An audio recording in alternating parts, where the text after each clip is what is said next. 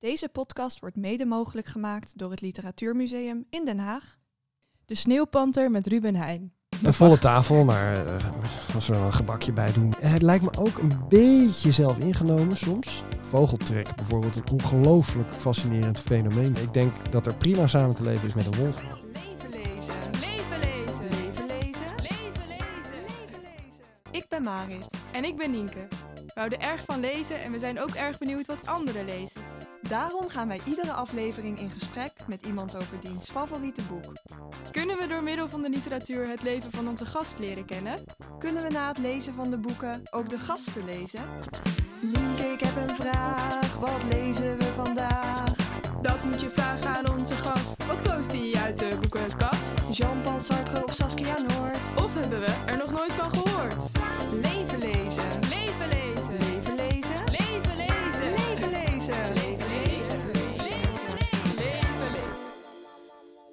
We zijn even wat langer weg geweest dan gepland, maar we zijn er weer.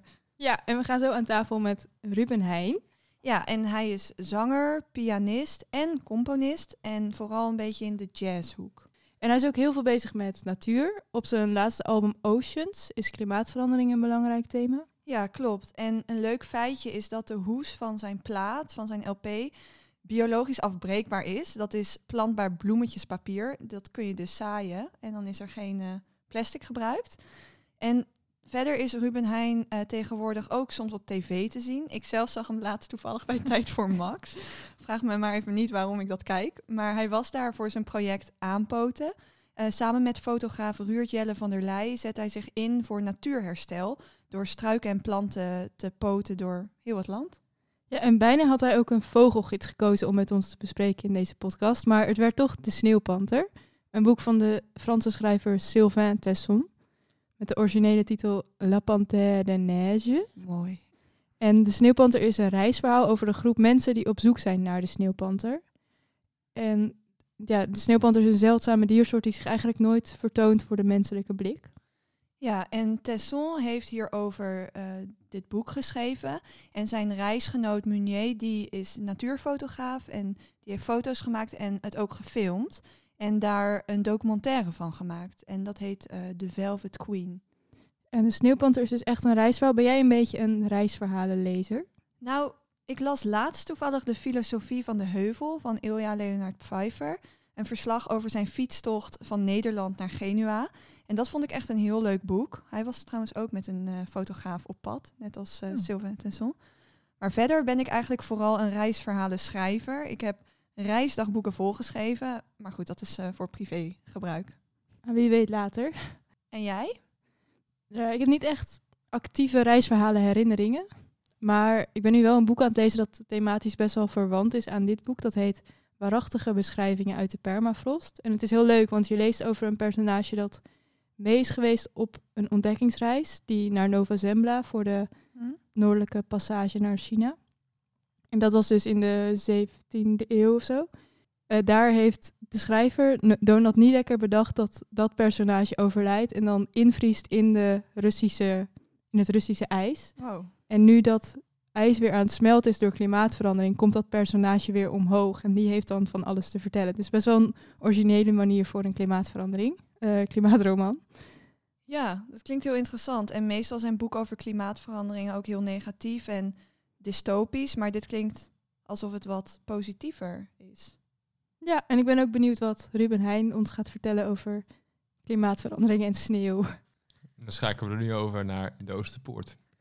Leven lezen. Leven lezen. Leven lezen. Leven lezen. Leven lezen. Am I free to go? Oké. Dit is bladzijde 46 van de Sneeuwpanter.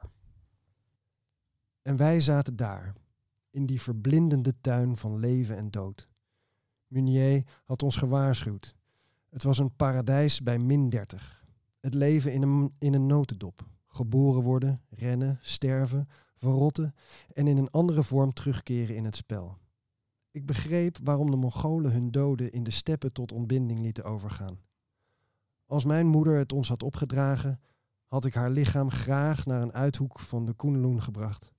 Daar zouden de lijkerpikkers het hebben verscheurd, alvorens zelf tussen andere kaken te belanden en zich in andere lichamen, van een rat, een baardgier, een slang te verspreiden, waardoor een wees geworden zoon zijn moeder kon menen te herkennen in een klapwiekende vleugel, een golvende schub of een trillende vracht.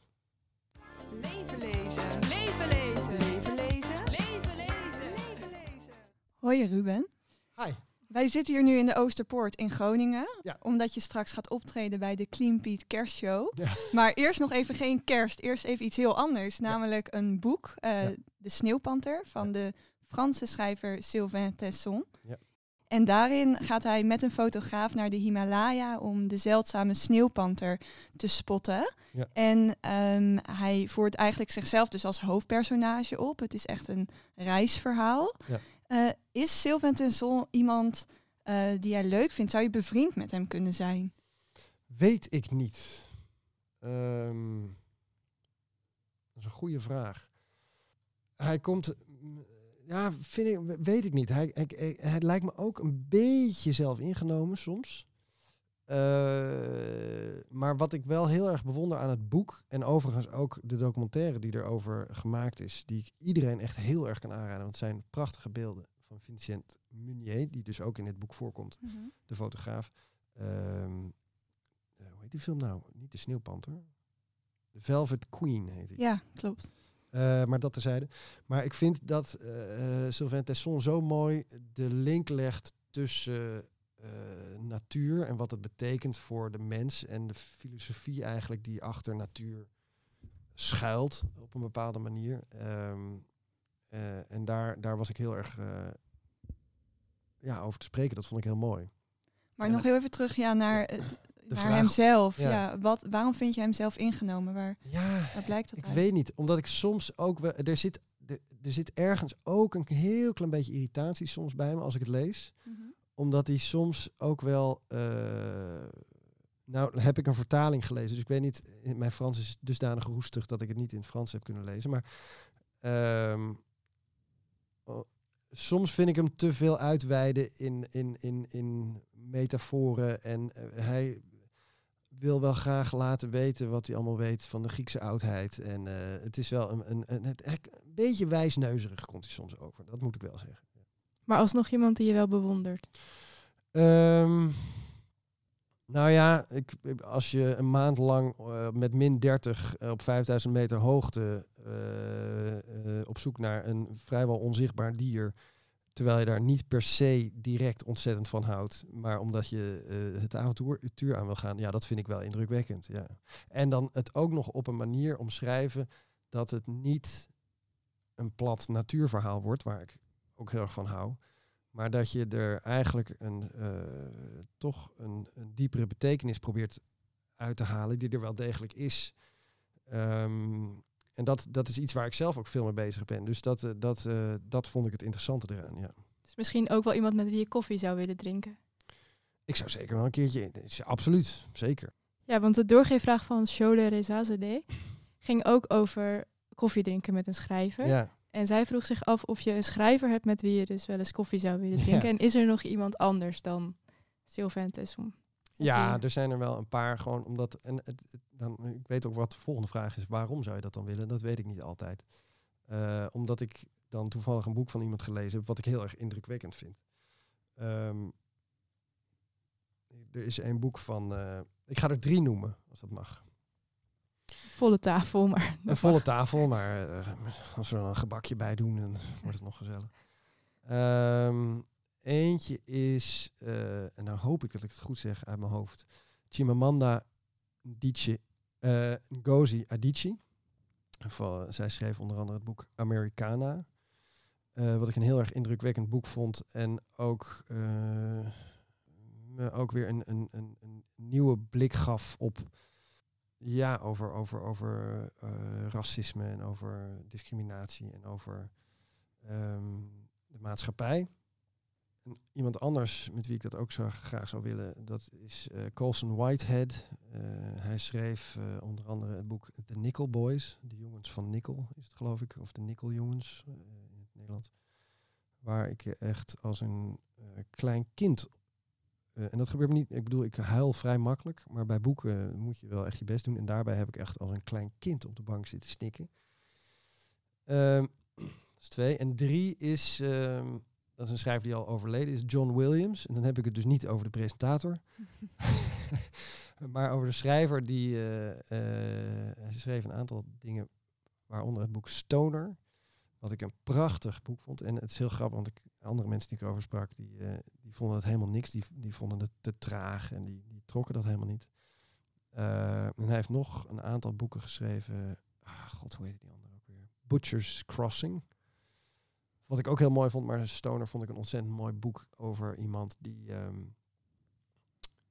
eh, begin 20e eeuw geboren wordt, ergens in Amerika als boerenzoon. En opklimt tot hoogleraar eh, Engelse literatuur aan een universiteit, maar toch het leven een beetje overkomt. Mhm. Terwijl die allerlei afslagen heeft, waardoor, waardoor hij heel gelukkig en, en, en, en zou kunnen worden. Maar het lukt hem de hele tijd gewoon niet door de, en dat is een hele mooie zin in dat boek, door de omstandigheden eh, en, en ze, de aard van zijn karakter. Dat, dat, hij het, dat het allemaal een beetje overkomt. En ehm, dat vond ik ook een ontzettend mooi boek.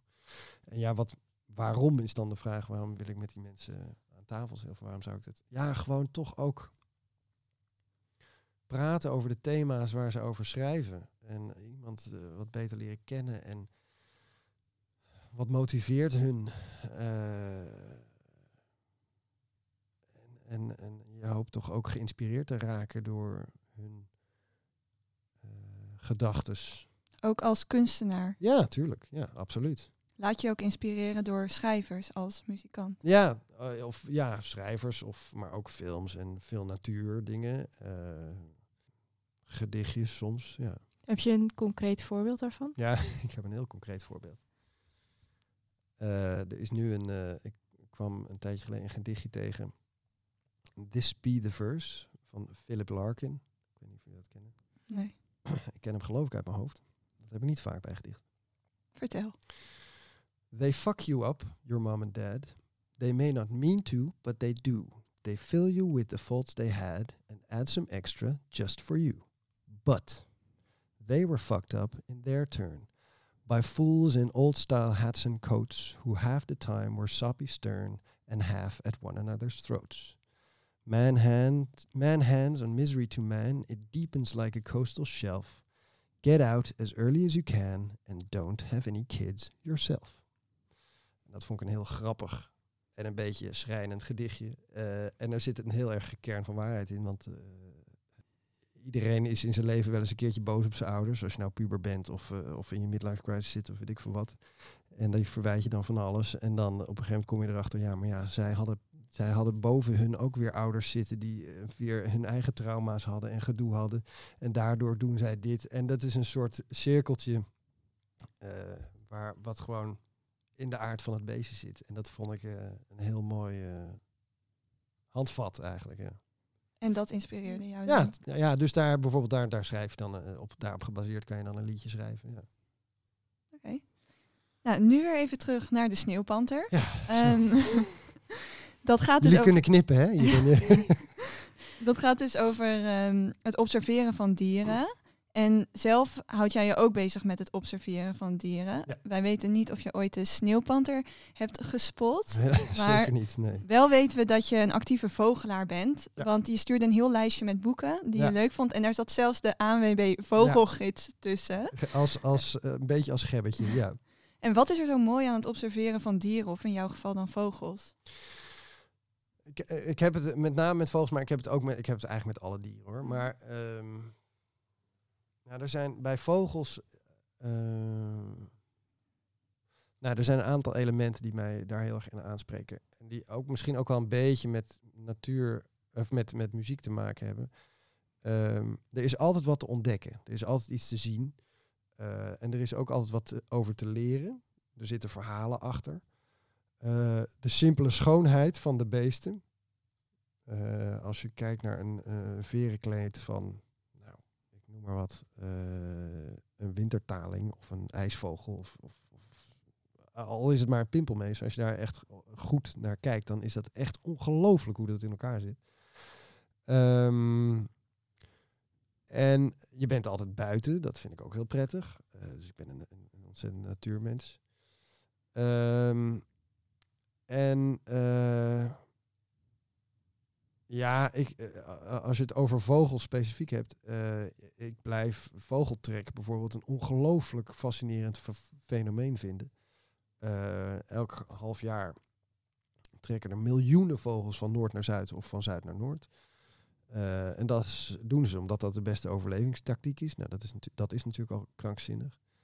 Ehm, en dat doen ze ook op een manier dat je soms afvraagt, hoe is het mogelijk? Eh, je hebt eh, vogeltjes van een paar gram Hm. die eh, naar eh, Zuidelijk Afrika vliegen eh, in een paar weken tijd. En dat doen ze elk half jaar. Zeg maar, dan gaan ze weer terug. Dat, zijn, dat, is, dat is ongelooflijk. Ehm, en het leuke is ook, je kan het zien als je erop gaat letten. eh, en je staat op, eh, eh, geografisch op een handige plek. Eh, bijvoorbeeld eh, op een plek waar de kortste route over water is. Dus bijvoorbeeld het zuidelijke puntje van Zweden, zeg maar.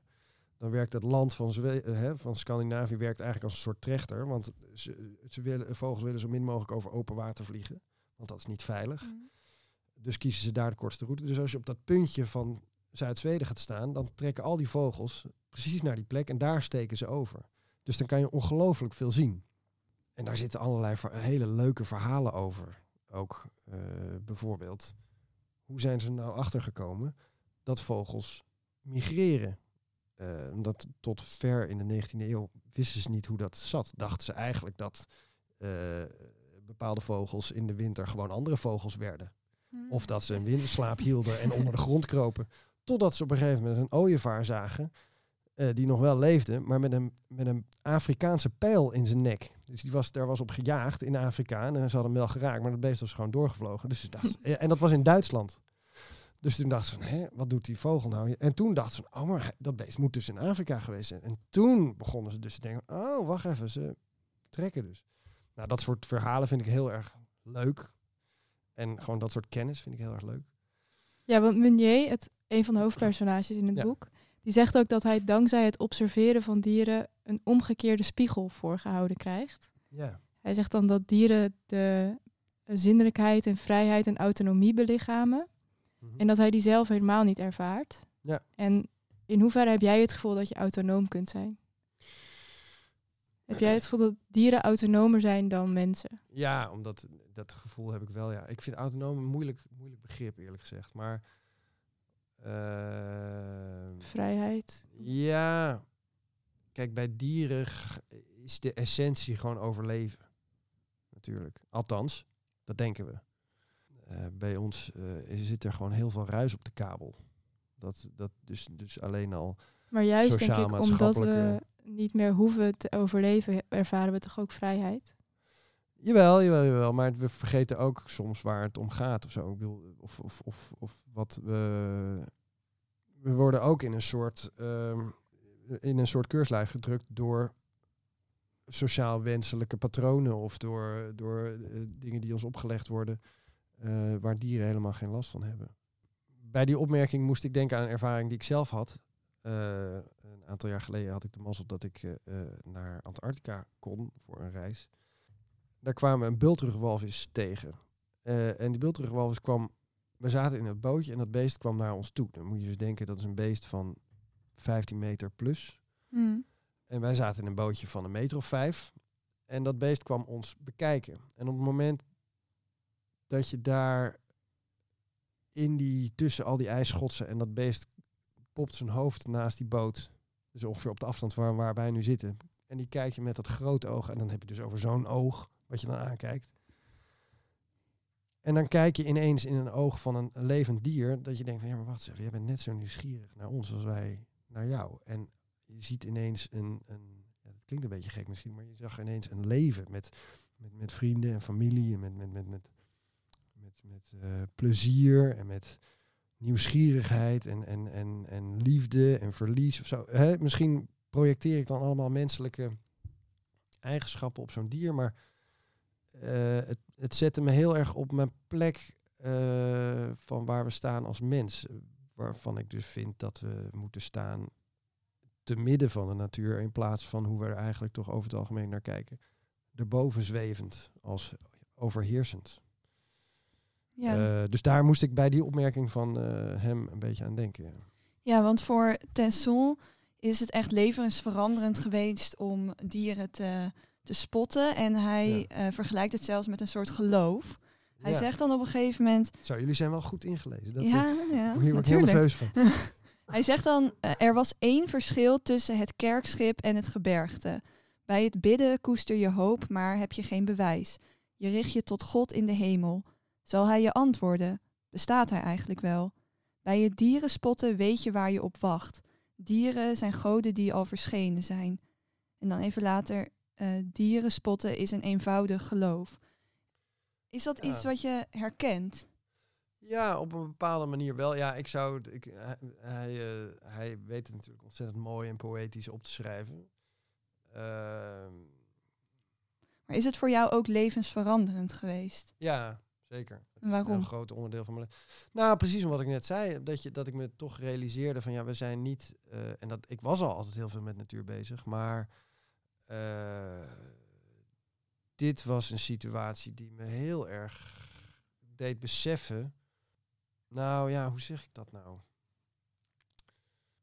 Heeft de situatie je later anders naar het leven doen kijken?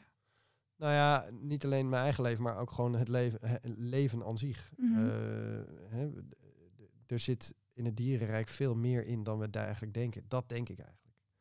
Je hebt, een, je hebt nu een groep of een, een beweging eh, vecht voor non-human rights.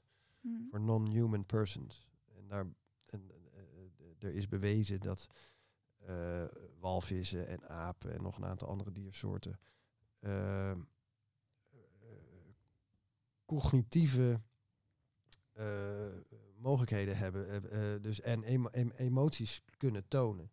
En dan is het ook de vraag van ja, moeten zij dan niet op een bepaalde manier hun rechten hebben dat ze, want ze hebben geen stem, zeg maar. Dus ze, ze, er Niet op dezelfde manier op als dezelfde- mensen in precies. geval.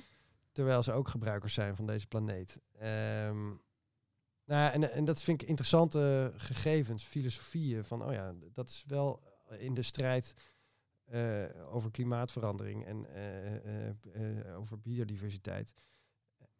Moet er een grote filosofische omslag gemaakt worden, mijns Mhm. inziens. Ehm, eh, dat we onszelf meer gaan zien als gelijken in plaats van als, eh, als, eh, als, als overheersend. Dus ja, En is dat- het dan dat ook echt een geloof voor jou, net als het voor Tessel is? Of zou je het niet ja, zo willen? geloof? Ik ben geen gelovig mens. Ik, bedoel, ik, ben, ik, ben, ik heb een Joodse achtergrond. Mhm. Dus ik ben wel met een geloof opgegroeid. Niet gelovig, maar met een geloof opgegroeid. En ik, ja, ik vind geloof vind ik altijd een, eh, ja, wat is, ja, vind dat dat een moeilijk begrip. Of zo. Dus je ziet het niet hetzelfde als Tessel het beschrijft. Ja, en bij geloven hoort ook vereren. En Tesson... Nou, het is meer dat ik het, laat het zo zeggen, hij, hij, hij draait het dus om, hè. Sorry dat ik je ja, nee. Maar hij plaatst die dieren dus als goden, zeg maar. En ik denk dat ik het meer als gelijke zou willen trekken. Oh ja. Snap je nu? Wij, op dit moment zien wij onszelf eigenlijk als goden. Snap je wat ik bedoel? Ja, ja. Ehm, ik had heel sterk het gevoel dat ik eh, tijdens bepaalde vogelervaringen of natuurervaringen met dieren, dat ik juist het gevoel had, oh ja, ik wil onderdeel van jullie zijn. Ik wil eigenlijk onderdeel zijn van jullie leefwereld. En ik wil jullie begrijpen en ik wil eigenlijk ook weten wat jullie denken en, en hoe jullie naar ons kijken. Ehm, dus, eh, dus ik denk dat ik het meer op die manier eh, zie. Maar dat was wel, een, ja, dat moest wel even inzinken. Het klinkt, ik weet ook wel, als ik het soms aan mensen probeer uit te leggen, dat het soms een beetje zweverig of zo. Of zweverig. Dat vind ik heel erg meevallen hoor. Oh, Ik snap wel dankjewel. wat je bedoelt. Ik weet niet, zijn jullie wel eens bij een geboorte van een kalfje geweest? Van een koe? Nee. Nee? Alleen gezien bij Boer zoekt vrouw. Ah, ja, maar dan laten ze waarschijnlijk niet het hele gedeelte zien. Want wat er gebeurt, het kalfje wordt geboren. En binnen enkele minuten wordt het kalfje gescheiden van de moeder. Meteen. Want eh, die melk, die hebben wij nodig. En wat er dan gebeurt, ik, heb het nou twee keer mogen zien. Mogen ook. Ik heb het nou twee keer gezien. Ehm, en wat je ziet is een moeder die haar kind verliest. Mhm.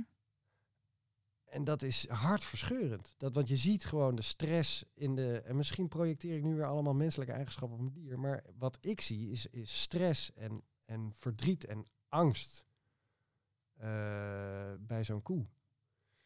En dan denk ik, ja, dat kan, het kan bijna niet zo zijn dat dat beest niks. Het, is, het, het kan gewoon niet zijn dat dat beest niks voelt. Dat daar geen emotie in zit. En, dat, en ik, ik vond dus in de sneeuwpanter dat, nou ja, precies wat jullie omschrijven ook, dat dat zo mooi, dat hij zo'n mooie manier had om daar ook tegenaan te kijken. Misschien op een net andere manier, maar hoe die, die, die, die link probeert te leggen tussen het dierenrijk en het mensenrijk eigenlijk. Zo. Hoe vonden jullie het eigenlijk om te lezen? Eerlijk.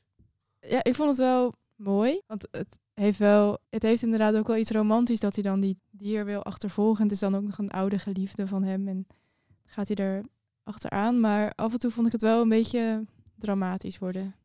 Ja, en dat herken ik wel, ja. Terwijl Ja. ik vind natuur ook heel belangrijk. En wat je zegt over die kalfjes en zo is ook allemaal verschrikkelijk. Maar het, het, hij overdreef het wel een beetje.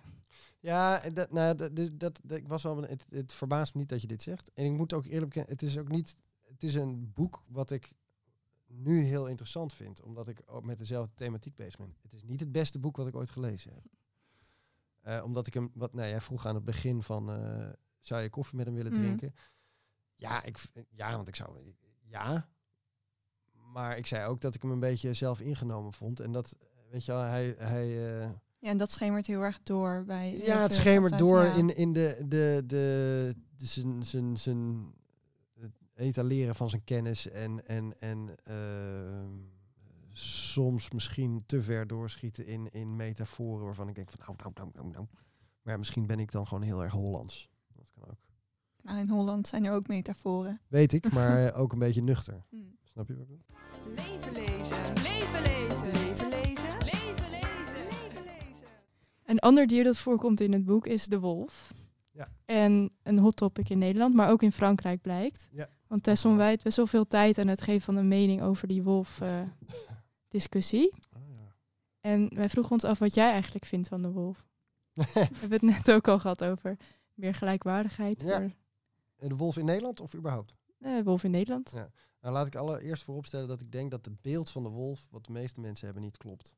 De meeste mensen hebben toch een, een, een moordzuchtig beest wat eh, een rood kapje opvroot. En eh, Mhm. het is eigenlijk in alle verhalen en geschiedkundige, eh, sprookjesachtige, whatever, noem je dat, verhalen, wordt het altijd als het ultieme kwaad afgeschilderd.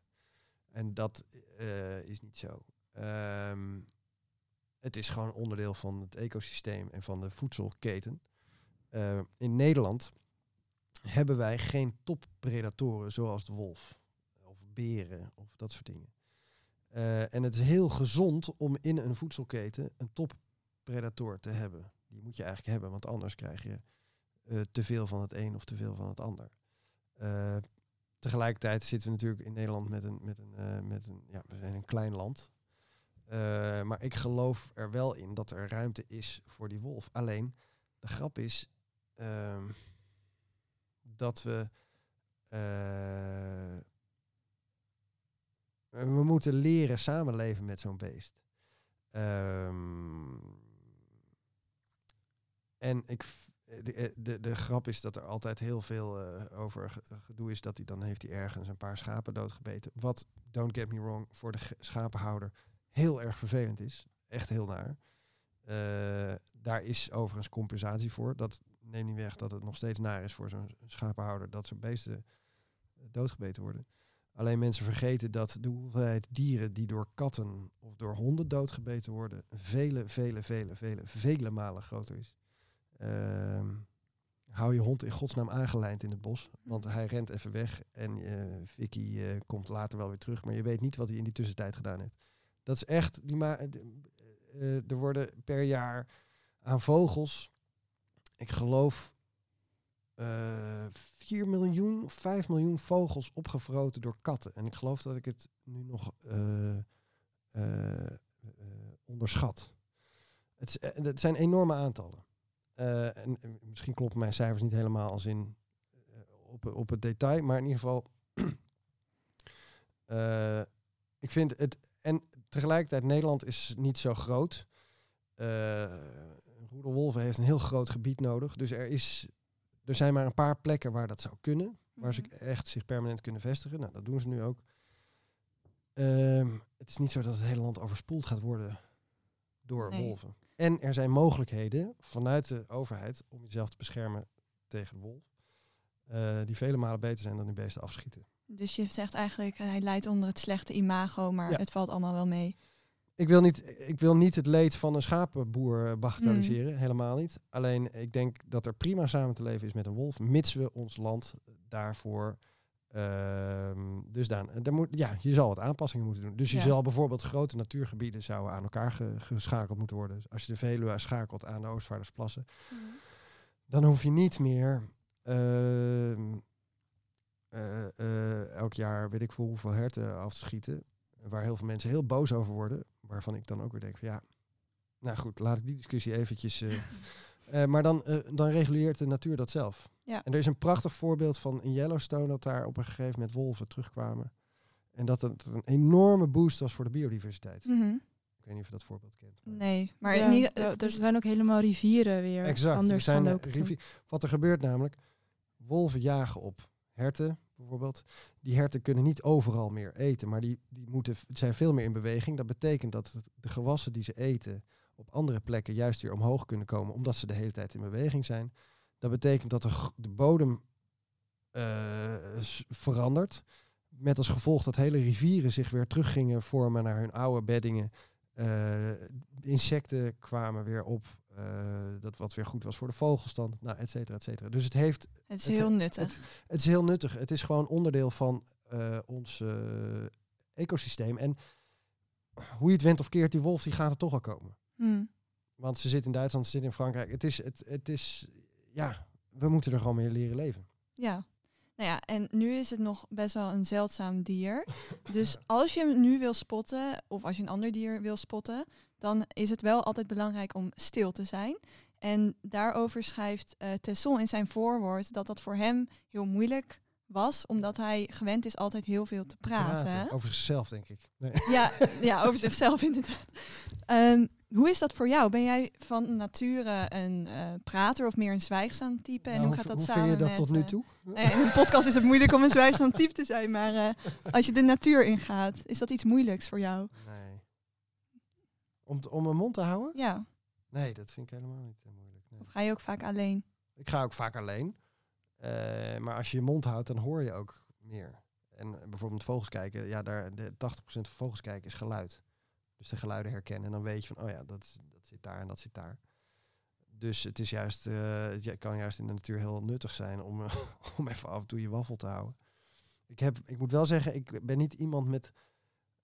Ik kan misschien soms wat ongeduldig zijn. Dat wel. De doorgeefvraag. De doorgeefvraag. Dan eh, de volgende aflevering is met schrijver en eh, beeldend kunstenaar Ted van Lieshout. Hij schrijft vooral veel jeugdboeken en kinderboeken. Zeker. En eh, wij vroegen ons af of jij een doorgeefvraag voor hem hebt. Nou, allereerst, ik weet niet of hij deze aflevering houdt, maar luistert, maar er wordt bij ons thuis heel veel Ted van Lieshout gelezen. Ik heb drie jonge kinderen en die zijn alle drie verslingerd aan Boer Boris. Eh, dat is ook het, eigenlijk het, het meeste wat ik ken van Ted van Lieshout, terwijl ik begrijp dat hij ook fantastische eh, boeken schrijft voor grote mensen. Mijn vraag aan meneer Van Lieshout is: wie is voor u Boer Boris? Is dat, een, is dat iemand. ehm, wat voor plek neemt hij in in uw leven? Hoe belangrijk is die? En is, het misschien, is hij misschien ook gestoeld op iemand of op uzelf misschien? Ja, goeie vraag. En het boek dat we met eh, Ted van Lieshout gaan bespreken is ook een kinderboek, geschreven door Annie M.G. Smit.